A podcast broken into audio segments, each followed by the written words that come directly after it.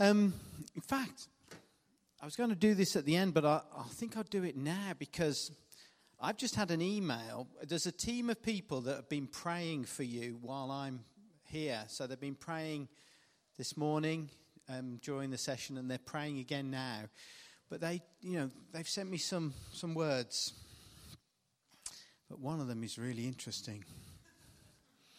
Obviously, the the others aren't. But um, Here's the one they've just sent me.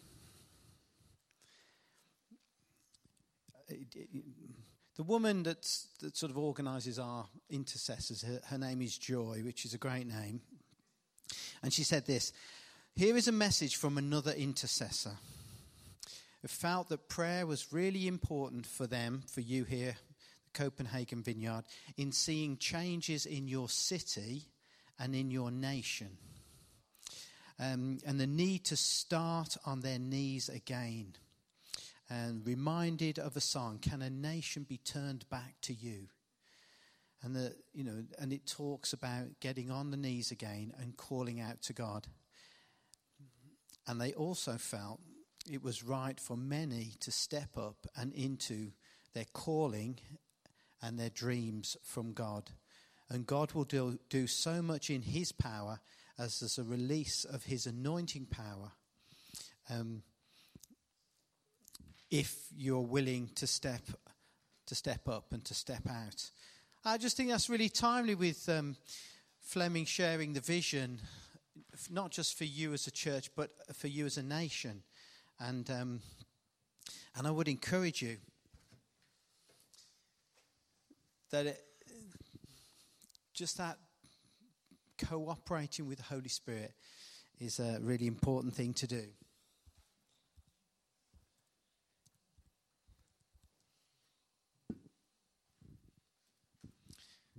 And remembering to put your password in is also very important.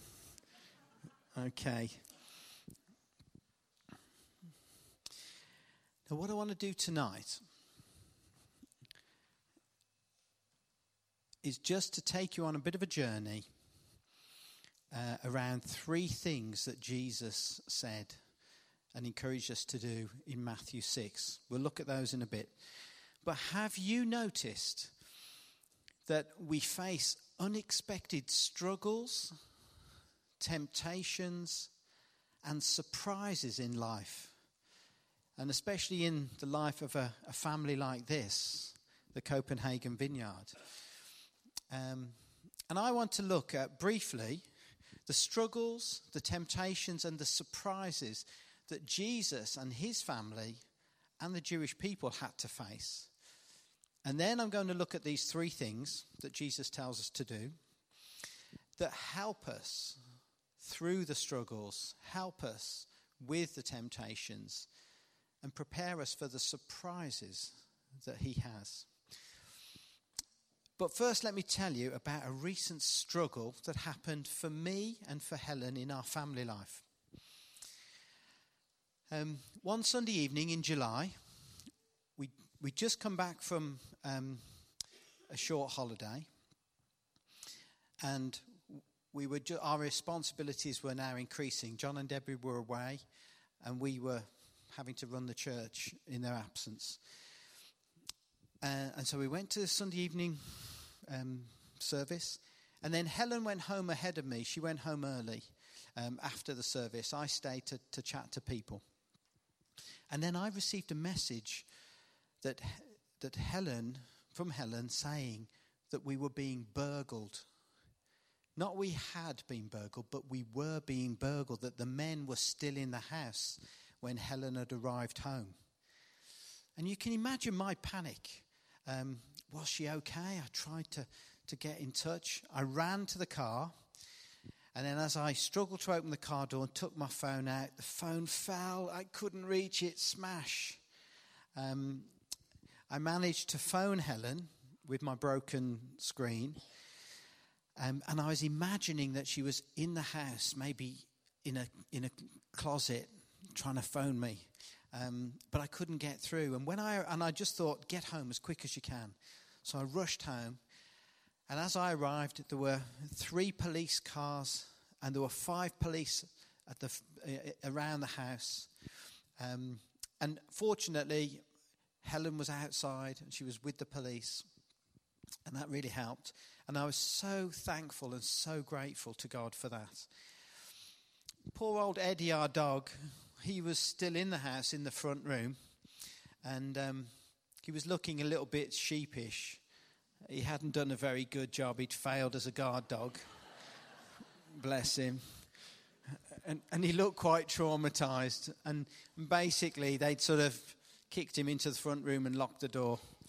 Um, and when there's, but we, we, the police wouldn't allow me to go in and get the, the dog because we weren't sure whether they were still in the house because the windows on the top had, Helen had seen them moving when she phoned the police. So we were waiting for the police to arrive, a special policeman with the, with the police dog that was specially trained. And he arrived, and um, once the, the dog handler had arrived, they allowed me to go in, get Eddie out. And as we, Eddie and I came out, it was quite dramatic. Not only were we scared, but all the police stepped back as this specially trained dog went to the door. Then the policeman shouted into the house, and he did that several times to warn them not to move if this dog came to them. And then he let the dog go. Oh my goodness, this dog just charged around the house, in and out. And I was terrified, and I wasn't in the house. Um,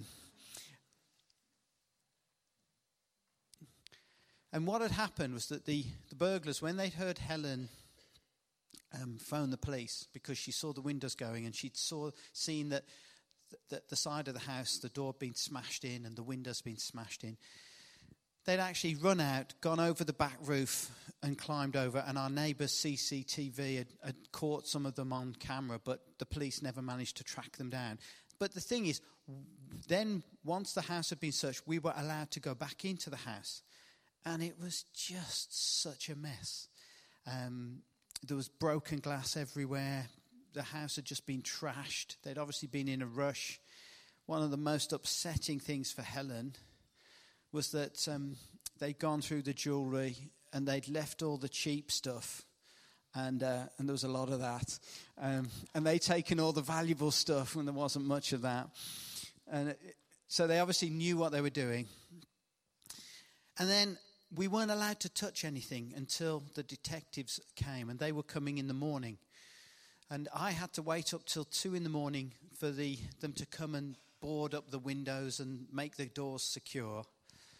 And it, it was just a struggle. And it, it was just come out of the blue. And then on the Monday morning, I've, I've gone off to work um, to run the meetings, and Helen is sitting in the kitchen with the two policemen, and then water just starts to come through the kitchen ceiling. It just poured through, completely unrelated. And it was like, what's this? And, um, and so we had a, that, that caused the flood, and that went under our laminate floor. And it was, it was just like, oh, so frustrating. A few days later, our big fridge freezer just packed up, just stopped working. And um, all the contents, Uh, uh, you know, the frozen side were all had to be thrown away.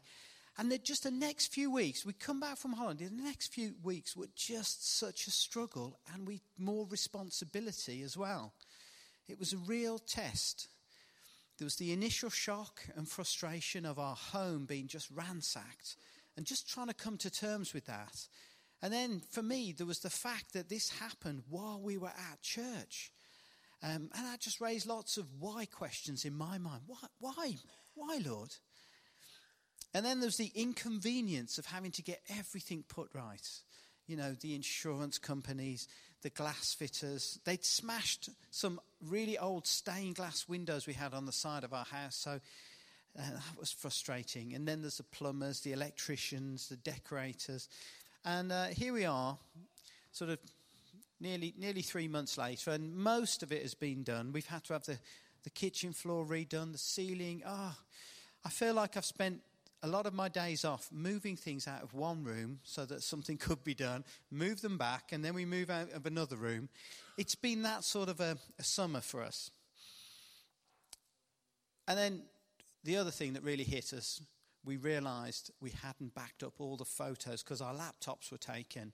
We just lost loads of photos. And that, that was so sort of, yeah, just upsetting. And I was tempted to react by being angry, bitter, resentful, and, and even fearful towards those that had, you know, committed this crime because would they come back? That was a question in my mind. And as I reflected back on that incident, I was so grateful that no one was hurt. And that's the thing that really was my anchor in this. And I think God had gently prepared me without me fully realizing. Because I remembered on the Wednesday before, um, I was just, you know, praying, just being still with the Lord. And I woke up and I was just thanking God. We had a holiday, so grateful. We've come back safely. I'm not living out of a suitcase anymore. We've got this wonderful home. And then this thought just went through my mind, and we've not been burgled in 18 years. And I thought, where did that thought come from? And um, so it sort of helped me a little bit when it all happened to think, oh, actually, God knew this was going to happen. And so, am I going to dig deep for, okay, Lord, what is it you're going to do in this that I can learn from? And the next day, I was reading a chapter of a book. This is, again, before the burglary. And it was called Necessary Suffering. And I, I read it. I thought, very interesting, but everything's fine at the moment. But little did I know what was about to happen to me. You know, and there have been a number of surprises along the way over the last three months. One of the biggest surprises to me has been Helen's determination not to be driven out of our house by this trauma. Now, you don't understand what a miracle this is because probably for 10 years, Helen keeps talking about, shall we move? And I think, no, I love our home. And then and then we usually decide and agree on a new project that Helen's going to do on you know, whether it's a kitchen or you know, there's been endless projects. And um, we spent a fortune just trying to stay in the house. If we'd have been burgled years ago, it would have been solved. Um, anyway, but it's just been that sense of I'm surprised at her response because I thought she might think, can't stay here, we've been burgled, we've got to move. But no, it's been the opposite. And then also, the lack of bitterness and resentment in me. I just can't find it. It's just not there. And I'm very grateful because there's no point. It's a waste of energy. And, I, and I've really felt that the Lord's just allowed me to walk away from that and just think, you know, Jesus told us we to expect trouble, so I've had some trouble. Let's not let it sort of drag me down. And then there's been the discipline to systematically solve all the problems rather than just wallowing in some sort of self pity. So we've just got on with putting things right. And, and there's been a real focus to just restoring our home so that we can enjoy it again as a family because it's a high value to us. Although all of our daughters have moved away, they, they regularly, we come back and have uh, family gatherings regularly, and that's a source of great joy. In fact, I, I got a photograph of Helen earlier. She's got our two grandchildren tonight and Eddie the dog, and they're having a sort of a, a, a sleepover together. So, um, uh, just a home is a, a, really important value for us. It's not the physical thing, it's what it represents. But Many of us in this room tonight will be facing struggles, temptations, surprises. And some of them will be much more serious than, than this. You know, we may have lost hope. We may have experienced a traumatic event in our life, in our family life. We may not be able to see a way forward. We may be asking God, Where are you in all of this? Or we may be trying to help and support someone who's struggling with their circumstances, struggling with the temptations they face. That's, that's often something we do as God's family. Some of us will be longing for God to surprise us, longing for a breakthrough, longing for an answer to our prayers. Now, I've been reading the book of Matthew in the Bible a lot recently. And, you know, it's, it's that, the first of the Gospels. And Matthew's main purpose in writing this book was to prove to his Jewish readers that Jesus is the Messiah, the Saviour, the promised one who would free them. So let's look briefly at the struggles, the temptations, and the surprises that Jesus and his family and his people, the Israelites, had to face. Um, some of these struggles were even before Jesus was born. So I'm just going to take you on a very fast run through uh, a brief summary of the first six chapters of Matthew. So, chapter one, you get the genealogy and the birth of Jesus. And as you read, and I'm hoping to sort of inspire you to read this book of Matthew again, as you read through the list of people representing the previous generations before Jesus, you may recognize and remember the struggles, the temptations, and the surprises that they faced and experienced. The struggle Joseph faced trying to believe that Mary was pregnant and yet a virgin. The temptation to divorce her, and the surprise visit of an angel in a dream telling him to marry Mary. And then another surprise when the angel told him to call the baby Jesus. Chapter 2, the struggles and then temptations and the surprises continue dramatically. You get the Magi, the, the wise men from the east, bringing gifts for the new king of the Jews, and they come to worship him. Um, king Herod was not impressed. He was a ruthless, murderous, deceitful king appointed by the Romans to rule the, Jew, Jew, the Jews. So you get this sense of good and evil and the battle developing. Joseph and Mary and Jesus become homeless and escape to Egypt. That's quite a struggle, being uprooted from your homeland as a family. The temptation to ignore the angel's warning that Joseph received in a dream must have been great. To have a warning that, right, you need to get up and go and leave this land now. The surprise when later an angel in a dream told Joseph, years later, to go back because Herod was dead. Chapter 3 John the Baptist challenges the established religious order of the day as a prophet. He baptizes Jesus, and he does that reluctantly. He struggled with not feeling worthy enough. You know, just want to stop for a moment there. I think there's some of us in this room, for whatever reason, we don't feel worthy, you know, to, to have a relationship with God. We don't feel worthy and it's a lie from the enemy.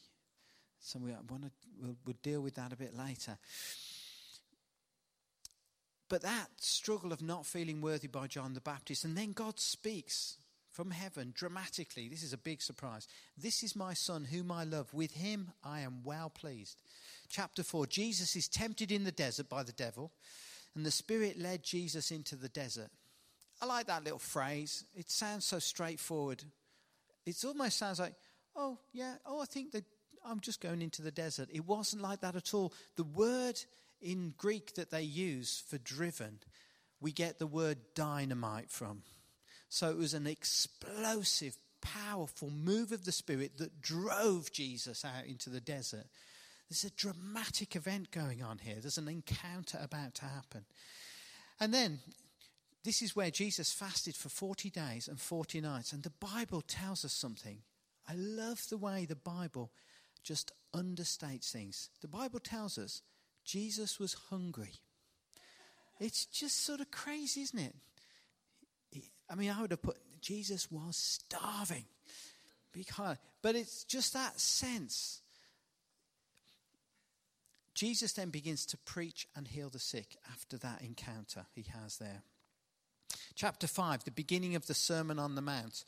Now, this chapter 5 runs right through to chapter 7, this, this teaching of Jesus. Jesus is laying out his call to moral and ethical living. And the demands of his teaching, they're just impossible to meet in our own strength. And that's an important thing to understand. Many have tried to live out Jesus' teaching in their own strength. They, their struggle to do so ends in failure. And I know this is true because I remember trying. Before I was a Christian, I remember trying to live in a way that would, you know, be in accordance with the, Jesus' teaching. But you see, we're not meant to try in our own strength. Jesus invites us to live in his spirit strength. That's why we're born again spiritually, so we can be spiritually empowered to live a life that Jesus would be proud of. And then chapter 6, and here we find the three instructions that I believe God wants us to look at today.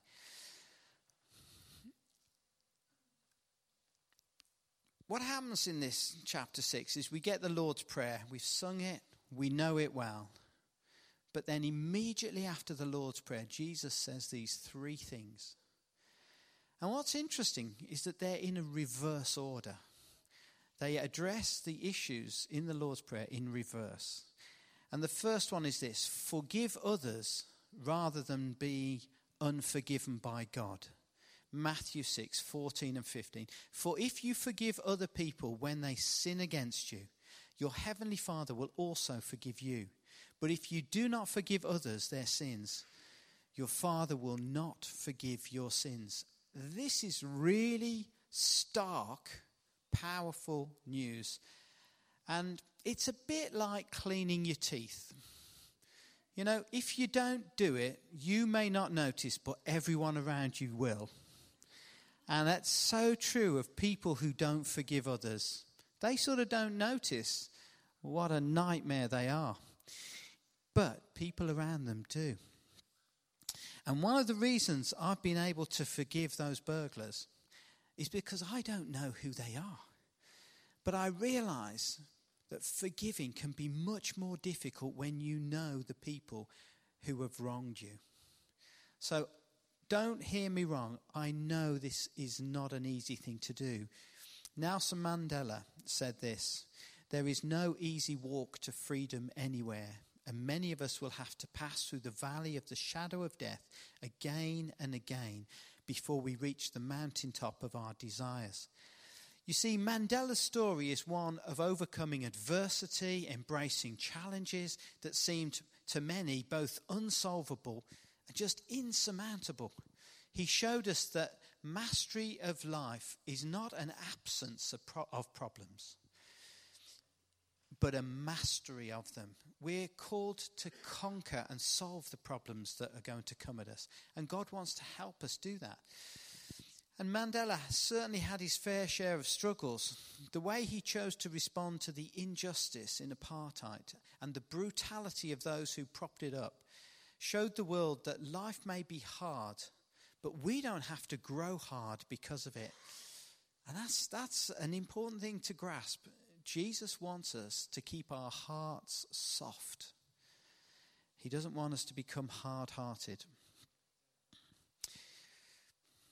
You know, we may not be able to choose our circumstances, but we actually do have a choice.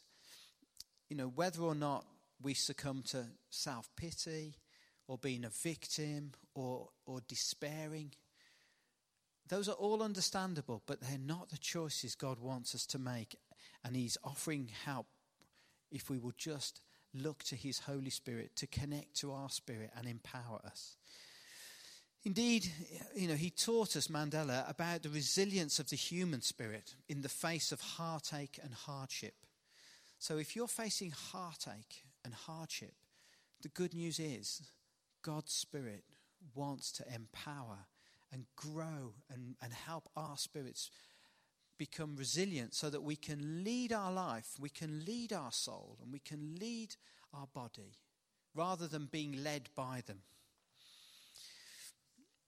You know, Mandela shows us that it's possible when we choose to focus on what we can do rather than what we can't do. He said this As I walked out of the door toward the gate that would lead to my freedom, I knew if I didn't leave my bitterness and hatred behind, I'd still be in prison.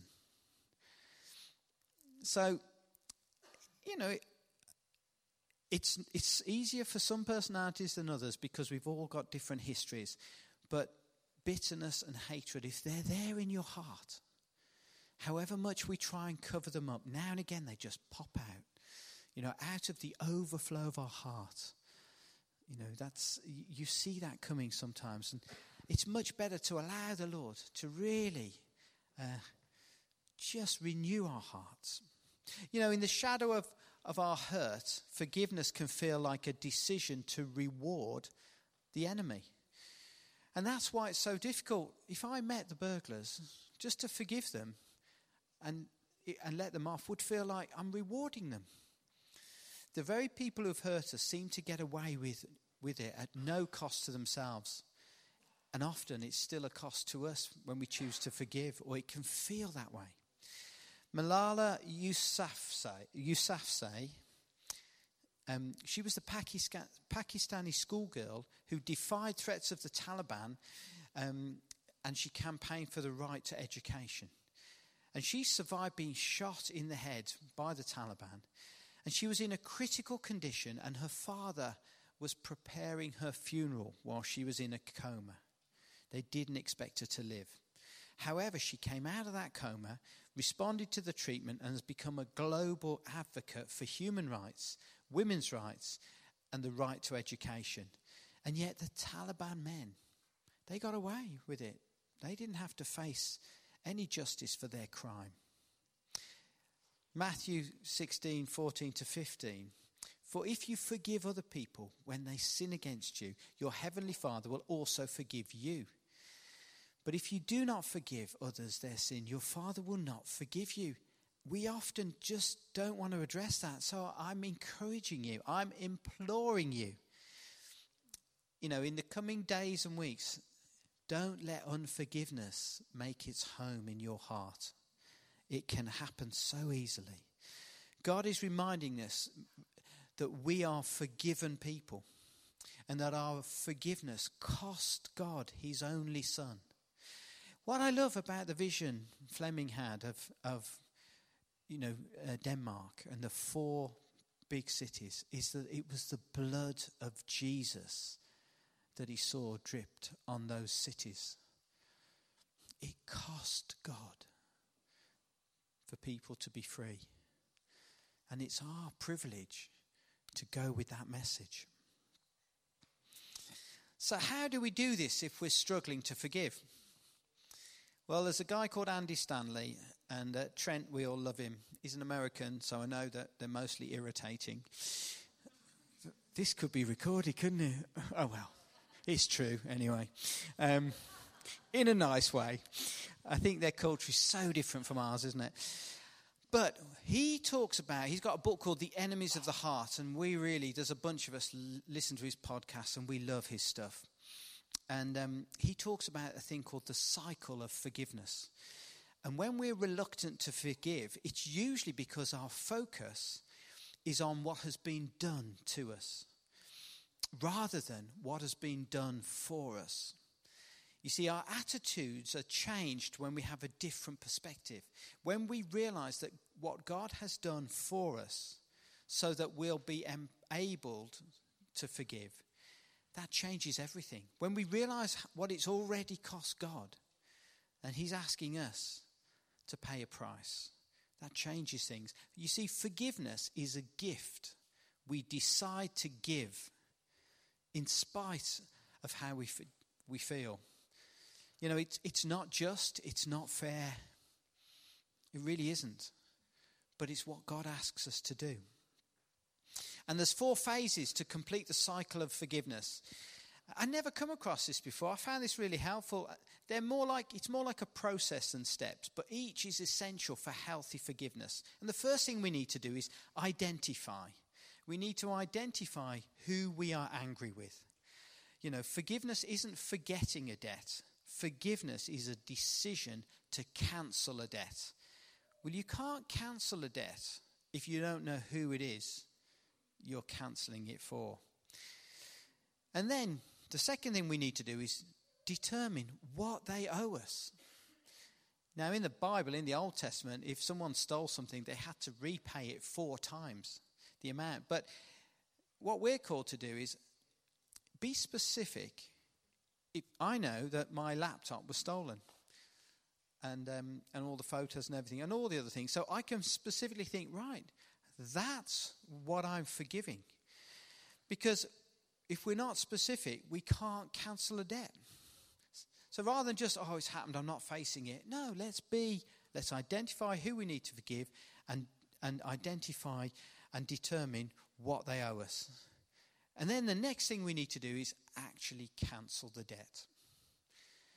And it might be that for you, you might find a, a creative way of doing that. You might need to write it down and then burn it. Because if we write it down and put it in our back pocket, we can keep pulling it out again. We need to cancel the debt. Because otherwise, we'll just get stuck.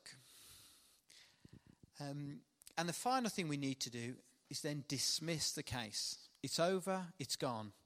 We need to release them. You can't revisit it because otherwise you're back into unforgiveness. And so it's deciding not to reopen that case. You may not be able to forget it, but you can decide it's dealt with, it's dismissed. When a case is dismissed at court, whether you agree or not, it's over. So we need to make that active decision it's over. And it's difficult because our feelings don't automatically follow our decision to forgive. And, you know, in a family of this size, there'll be a lot of forgiving to do. I know that we're all being really nice at the moment, but the more you get to know someone, the more you need to forgive them. Um, it's, you know, but I think that's wherein lies the sense of well being and, and being connected. You see, forgiving someone, it doesn't erase the memories. If we could forgive and forget, that would make things so much easier we may live with regrets. Malala, the Pakistani schoolgirl, said this My only regret was that I hadn't had a chance to speak to them before they shot me. Now they'd never hear what I had to say. I didn't even think a single bad thought about the man who shot me. I had no thoughts of revenge. I just wanted to go back to Swat, to go back to study. I wanted to go home. You see, now while Nelson Mandela and this Malala, difficult surname, are inspirational figures, they're examples of people who've been able to forgive. But that doesn't make forgiveness easy. So I know this is not easy, which is why I've spent so much time on this. And it's why, after Jesus taught his disciples to pray, what's the first thing he focuses in on? Forgive. It's like the building block. Everything else can't happen if we don't forgive. And I think Jesus wants to help us if we're struggling.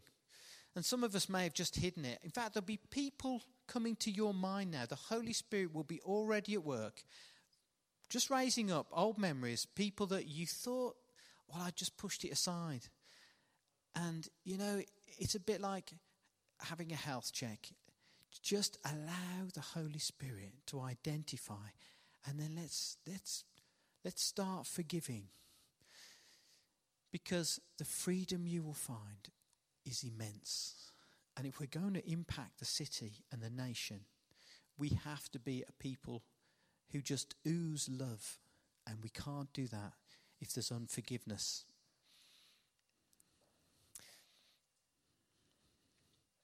You see, are you ready to complete the cycle? You may have done a few steps or a few parts of that cycle of forgiveness, but complete it. Or perhaps for some of us, we've got to start. So that's the first word that I wanted to focus on that Jesus encourages us to forgive. And here's the second one, and it's not going to be any more fun. Jesus calls us to fast in secret. I don't know why it's called a fast. It should be called slow because time goes slow when you fast. It's a stupid word, but anyway. But the point being here, fast rather than feast all the time. Matthew 16. When you fast, you see, Jesus doesn't say, if you decide you would like to fast, when you fast. And um, there is nobody in this room exempt you may think, well, I, I, I struggle with, with food, so, you know, I'll just fast by not watching TV. That is not a fast. It's, it's a wise decision. But fasting, and I, and I, there's a story at the end of this, so stay with me if you're feeling uncomfortable now. But fasting, and I don't mean like a big three day thing, but fasting, Jesus taught about it, and it's a very powerful spiritual tool that heals us and sets us free. And let me explain, but let me read this. When you fast, do not look somber as the hypocrites do, for they disfigure their faces to show others they are fasting. Truly, I tell you, they have received their reward in full. But when you fast, put oil on your head and wash your face, so that it will be it will not be obvious to others that you are fasting, but only your Father who is unseen, and your far and your, only your Father who is unseen um, wait a sec. Just let me. So, if you do not obvious to others fasting, but only to your Father who is unseen, and your Father who sees what is done in secret will reward you. So, there's a reward here, and there really is. Jesus expects us to fast. And I found that as I built up a regular time for fasting in my week, it has helped me grow in self discipline beyond belief. And I, you know, it was about two years ago that I really sort of got to a point of being frustrated. I kept being a yo-yo with my weight up and down, and, and I was, uh, and in, in other parts, there was other ways in which my life, I just lacked self-discipline, which is a fruit of the Spirit. And I really asked God, show me how. And I didn't like the answer. Oh, I want you to do a weekly fast. And I just, immediate thought was, well, that's no fun, is it? But you know what? The results are fun. And um, when we're struggling with some sort of repeating negative behavior or even an addiction, choosing to regularly fast will help us in our struggles. You see, when God sees we're serious about wanting to change and we quietly, secretly, humble ourselves by fasting because that's what we're doing. Our spirit, our God given spirit in us, is saying to our soul and our body, I am not going to be led by you. I'm going to humble myself and I'm going to look to God for connection. Because fasting is just making a point of humbling ourselves to God. It's immensely powerful. It's a sort of forgotten art, I think. Um, and today is a day just to review our lifestyles. Now, you as a nation and a people, actually, you're incredibly healthy. I, you, I don't see many overweight people here. We have loads of us in our culture that are, you know, we just eat the wrong stuff. Um, but as I said, denying yourself once a week, now it may just be a meal, or it may be you see, what I've got to, what I do, I, I make Monday my fast day. And the thinking behind that is let's just get this over with. Uh, you know, so I know at six o'clock on a Monday night I can eat again. And I get up and I, and I also remind myself, oh, I've got to do this cheerfully and willingly. And I do. And um, it's not too bad for me on a Monday, except for once a month.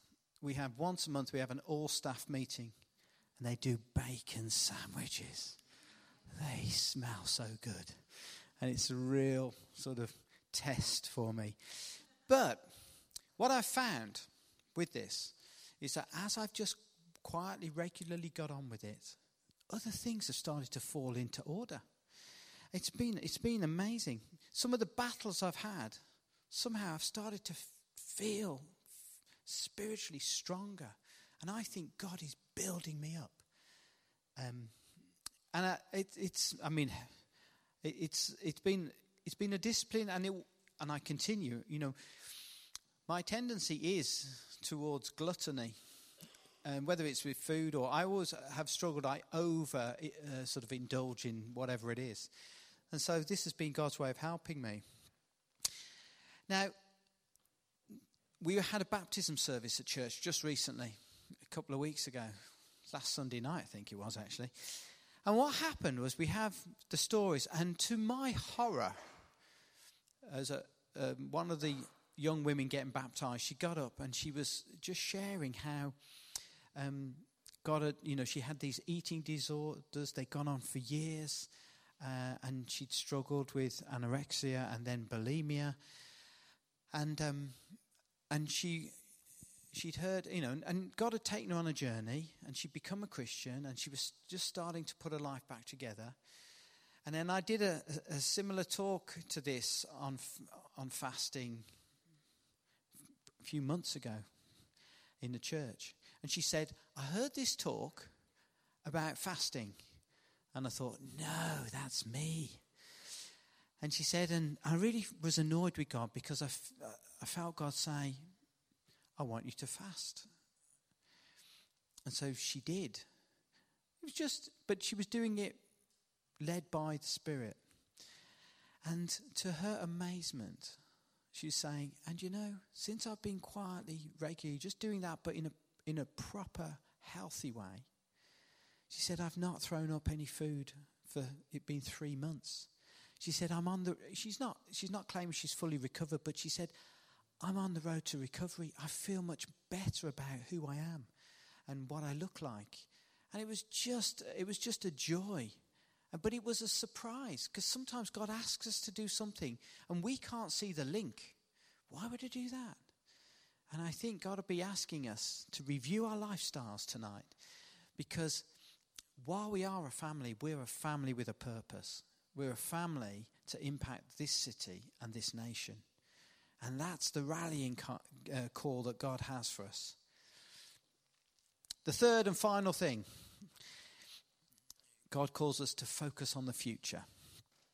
Matthew 6, 19 to 21. Do not store up for yourselves treasures on earth where moths and vermin destroy and where thieves break in and steal, but store up for yourselves treasures in heaven where moths and vermin do not destroy and where thieves do not break in and steal. For where your treasure is, there your heart will be also. This is sort of another echo of this morning. Jesus knew back then, and he knows now just how difficult this can be for us. The culture we live in, which constantly encourages us to spend and to consume. You know, it's a risk to be focused on the future while trying to get by today. It's a risk it takes faith to focus on the fact that we're just passing through this life. We're heading for heaven. And I was reading um, a, a, sort of a, it was an email about Billy Graham, and he was asked, Where is heaven? And his wise response was, Heaven is where Jesus is. It doesn't matter what heaven is, we're, going to be with Jesus. That's, that's going to be heaven. And Jesus is inviting each one of us to look at our priorities, review how we're spending our money is a great way to start. I mean, I, I, know that's a discipline I have to keep doing as well. All of us do. But just look, if you want to know what your heart's desires are, if you want to know what your priorities are, just look at how you spend your money. We only take our track record of choices with us when we die. And, uh, you know, you want to be asking yourself did I choose to entrust my life to God? Did I choose a life of giving or a life of taking? Matthew 6 22 to 24, these are the last verses we're looking at. The eye is the lamp of the body. If your eyes are healthy, your whole body will be, will be full of light. But if your eyes are unhealthy, your whole body will be full of darkness. If then the light within you is darkness, how great is that darkness? Now, that first one, the Greek for healthy, implies being generous. And these verses all come around the time Jesus is talking about treasures. So this is not this is not referring to what you look at. This is referring to what is coming out of your eyes, not what you're taking in. And the Greek for unhealthy implies stingy. And I don't know what it means not being generous, being tight, stingy. Um, and these, they're often misunderstood, these verses. We can easily think Jesus has been telling us to be careful what we look at. That is a mistake. That is not what these verses mean. Jesus wants us to be careful about what we are giving off. Are we giving off light or darkness? Jesus wants us to focus on being generous rather than stingy. The struggle we face is the choice of which master will we choose. That last verse, 24. No one can serve two masters. You can't be generous and stingy. You can't serve God and money. Either you'll hate one or love the other. You'll be devoted to one or despise the other. You cannot serve both God and money. That's something that came out this morning. You know, it's funny, I prepared these very separately, but that's really come through. The temptation is to believe that we can find our security and a safe future in life by hoarding money. It's not true for us Christians. It's not true for anyone. If we are serious about being followers of Jesus, we need to realize that He wants us to be generous. He wants generosity to, to shine out of our eyes, to shine out of our lives like a lamp in a dark place. It's a lifestyle choice that He rewards in heaven. You know, and the surprise is we get a foretaste of that reward now. We experience freedom and joy. When you're generous, you are just breaking free from the lies of the enemy that just want to. Um, encourage you to live by fear. We're called to be free. Once again, there's a promise attached to the instruction to focus on being heaven bound. Um, it's just seek first the kingdom and his righteousness, and all these things will be given to you as well. Therefore, don't worry about tomorrow, for tomorrow will worry about itself. Each day has enough trouble of its own. So, just to recap, because we're finished now, Jesus is really inviting us. Well, it's much stronger than that. He's telling us to forgive, to fast, and to focus.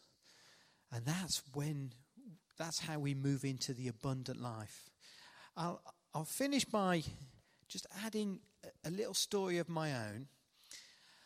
Um, I'm just reminded of it as I stand. So, just before we go into ministry, let me tell you this I've been seeing um, a spiritual director with all the increased responsibilities my, my wife and I have, have, have, taken on. We've been encouraged. Look, you're going to have to really get some help. So Helen did it first, and, and she's been seeing someone. Well, I see a 71 year old retired priest. He's a, he's a vicar in the Anglican church. So he's not from the vineyard. And when I meet with him, he doesn't want to talk about work. He only wants to talk about my relationship with God. And he challenged me. He asked me, So, how do you meet with God? And I told him, you know, in the mornings where I sit and what I do, how I open my Bible. And I told him, Oh, I read the Bible in the year last year, thinking, and he like, So what? He, he wasn't interested. and, uh, and, then, and then when I said, Oh, well, actually, and I sometimes go and walk, well, but ah, sometimes I do struggle to connect. Oh, good. He was really interested in that. I was thinking, you're giving me positives for the things that are, I'm saying that are negative. And, and, and I think, and then what he did, he said, look, when you sit with God, because I told him sometimes I make God a cup of tea. He never drinks them, but I still make him. I will ask one day, once, just once, could he just go down a bit? And um, it'd be so nice, wouldn't it? It'd be on YouTube. And uh, anyway, no, but the thing is, he challenged me. He said, Do you realize you are meeting with God at a head level? Because you're straight into the Bible. You read it, sure.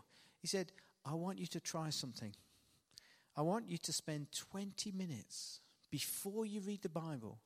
I want you to sit in your comfortable chair. I want you to look at the the, the sort of the, where God is sitting, where you put his cup of tea, look, I want you to look at God who is looking at you with love. And I thought, oh, that sounds a bit strange. So I've got to look at God who probably isn't, I'm not going to see him, but I've got to imagine him there. And I'm looking at him, and he's looking back at me with love. Anyway, I got over the mental hurdle and I, and I went to open my Bible and I was tempted to go, oh, I can't be bothered with that. Anyway, I thought, no, I'll give it a go. Sat down. You know, within about two minutes, I was flat on the floor, so overwhelmed with God's presence. Because God wanted a heart to heart connection first. And, uh, you know, I'm excited about God connecting to us heart to heart. His Spirit connecting to our spirit and empowering us to lead a life facing all the struggles and the temptations and the surprises, but we're leading it from a place of being spiritually alive. Shall we stand? Let me just pray.